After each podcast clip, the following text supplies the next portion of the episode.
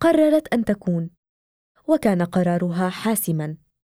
أسكتت بنجاحها كل من راهن على عجزها. حطمت قيود الجهل وتجاوزت إطار التهميش. هي المرأة التي عاشت صراعاتها في كل الحقب الزمنية.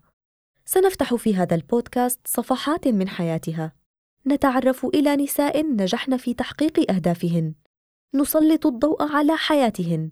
ونقرأ ما بين السطور. أنا سكين المهدي وهذا بودكاست نساء من عنب بلدي.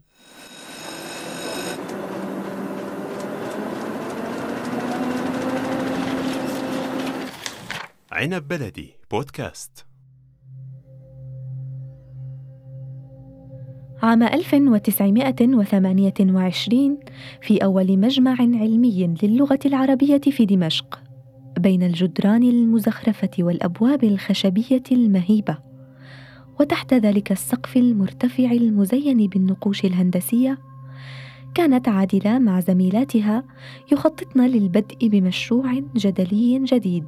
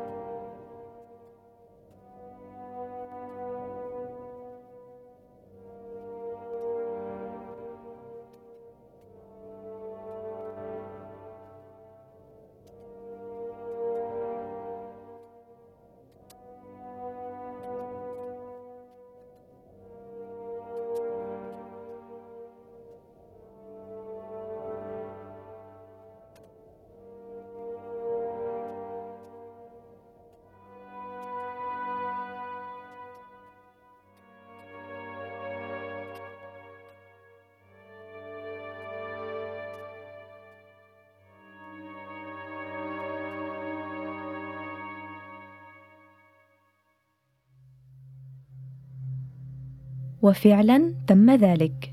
وافتتحت مدرسة دوحة الأدب عام 1931 بشكل سري والتي كان هدفها إشراك المرأة في الحياة العامة. كما قررنا إنشاء مدرسة للفتيات تحمل اسم الجمعية.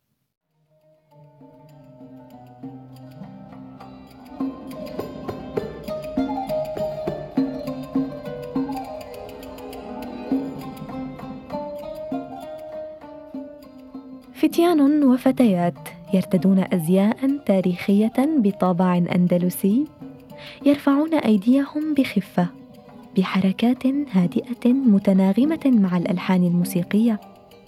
يميلون برؤوسهم وأجسادهم برشاقة يتشكلون بسرعة ضمن تشكيلات تخطف الأنظار يؤدون رقص السماح.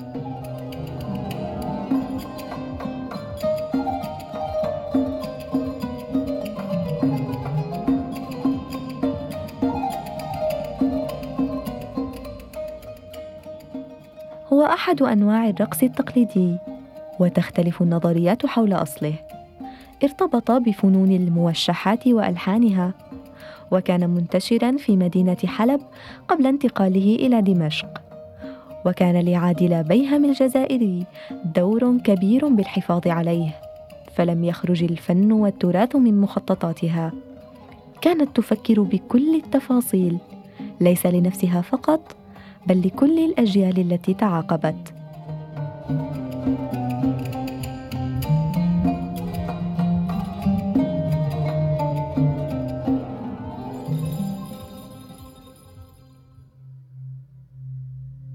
في دمشق وتحديدا في مدرسة دوحة الأدب قابلت السيدة عادلة أحد المهتمين برقص السماح وتطويره.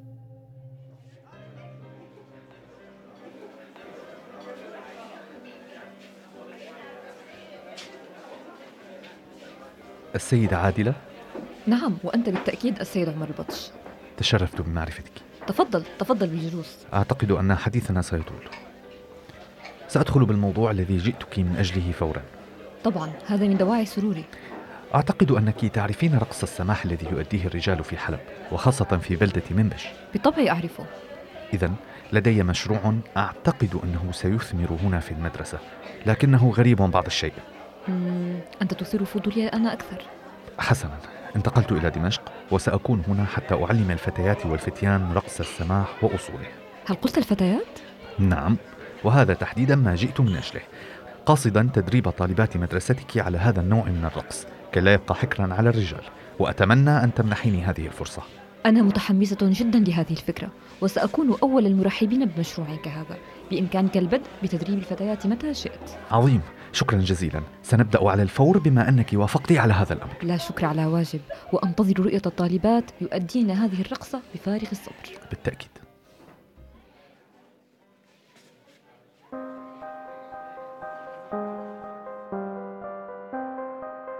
اهتزت مدينة دمشق عام 1947 بحدث هو الأول من نوعه.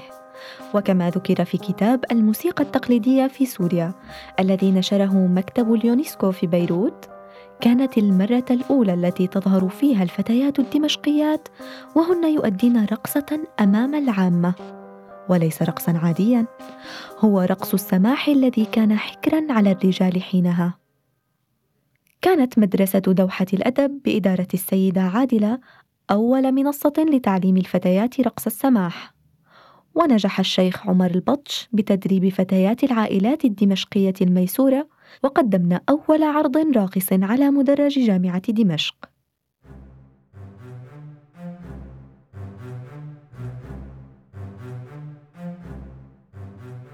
اتحاد نسائي سوري في مرحلة المخاض المؤلم لولادة كيان موحد يهدف لتمكين المرأة هو الثاني في المنطقة بعد الاتحاد النسائي المصري.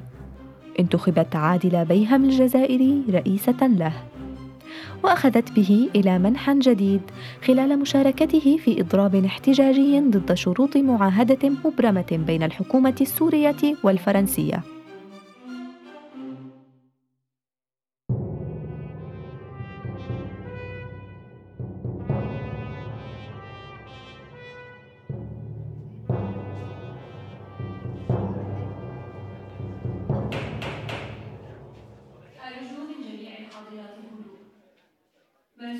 جديد صدر وينفذ من تاريخه يتمتع بحق الانتخاب كل مواطن سوري من الذكور والإناث.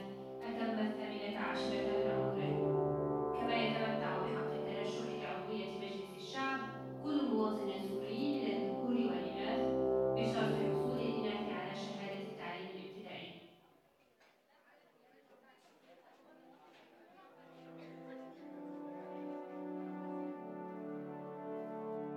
وأخيرا حق الانتخاب يمنح للمرأة في سوريا في بداية خمسينيات القرن الماضي كما ذكر في بحث أجراه صندوق الأمم المتحدة الإنمائي للمرأة بعد مشاركة الاتحاد النسائي السوري في مؤتمر نسائي عام.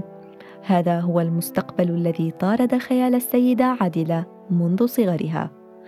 وفي اللحظة التي صدر فيها مرسوم حق التصويت للمرأة في انتخاب عام للجمعية التأسيسية راحت عادلة تطوف في أحياء دمشق بخطوات خفيفة سريعة لحث النساء على ممارسة حقهن بالاقتراع.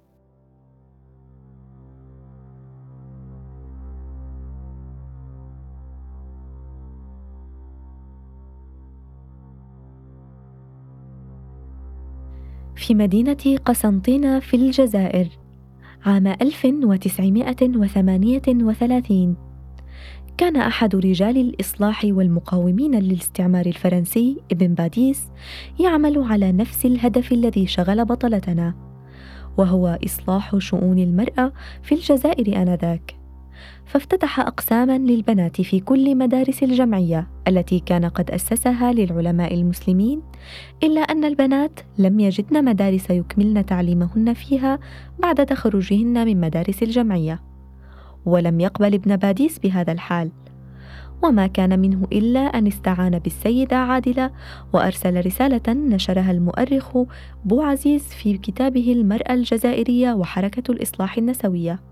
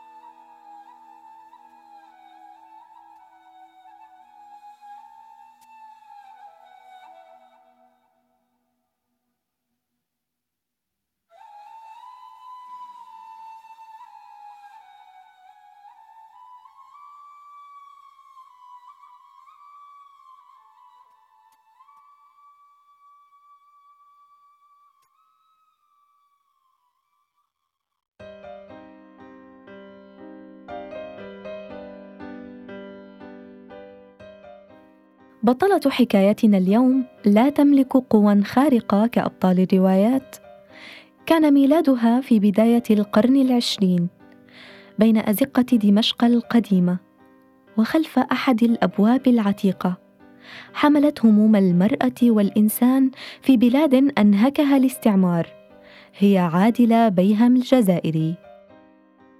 مناضلة مدافعة عن حقوق المرأة في زمن كانت النساء فيه أو عدد كبير منهن حبسات جدران بيوتهن ومبعدات عن الأنشطة الاجتماعية والسياسية. يا ترى ماذا ستصنع لو قدر لها العيش حتى يومنا هذا؟ وما هي الأهداف التي ستمضي في العمل على تحقيقها؟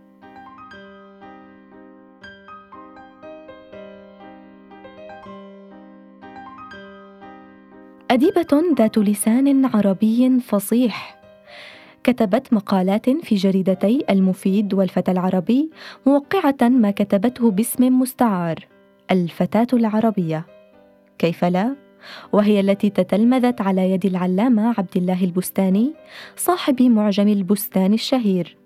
هذه المثالية حقا مثيرة للفضول. كيف يمكن لهذه الملامح الهادئة أن تنطق إصرارا؟ كيف لابنة الستة عشر عاما أن تكون بهذه القوة والجرأة لتنخرط في جمعيات كانت سرية آنذاك. تنادي بمفاهيم تغيب عن الراشدين أحيانا وهي الصبية التي لم تتجاوز سن المراهقة بعد. لعل البيئة التي احتضنتها أو العائلة المثقفة التي عاشت في كنفها كان لها الفضل بانفعالها القومي الشديد. أميرة الرائدات العربيات. كما لقبت.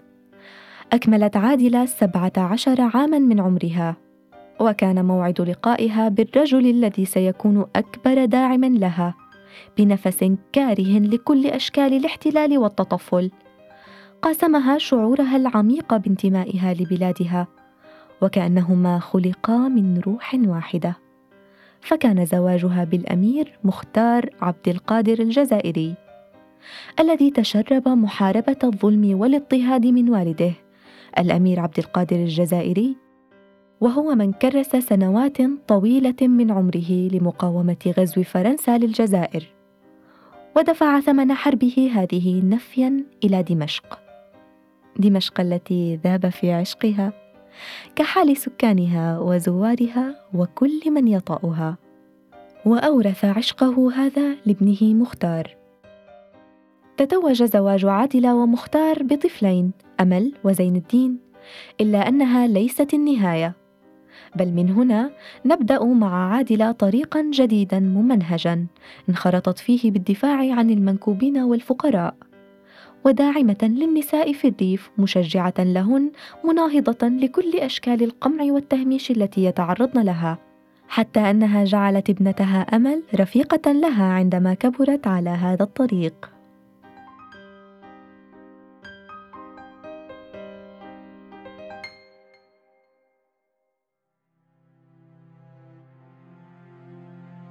1975 وكأن القدر لم يقبل بإنهاء طريقها بجائزة.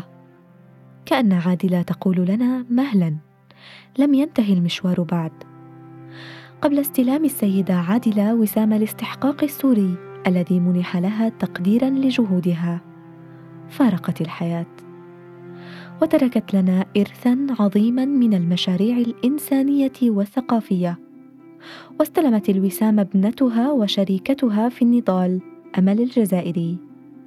رفيقة الأحلام الكبيرة. والأيام الصعبة ولحظات النجاح والحصاد. بعد مرور أربعين يوما على وفاتها. مكملة ما بدأت به والدتها لاحقا.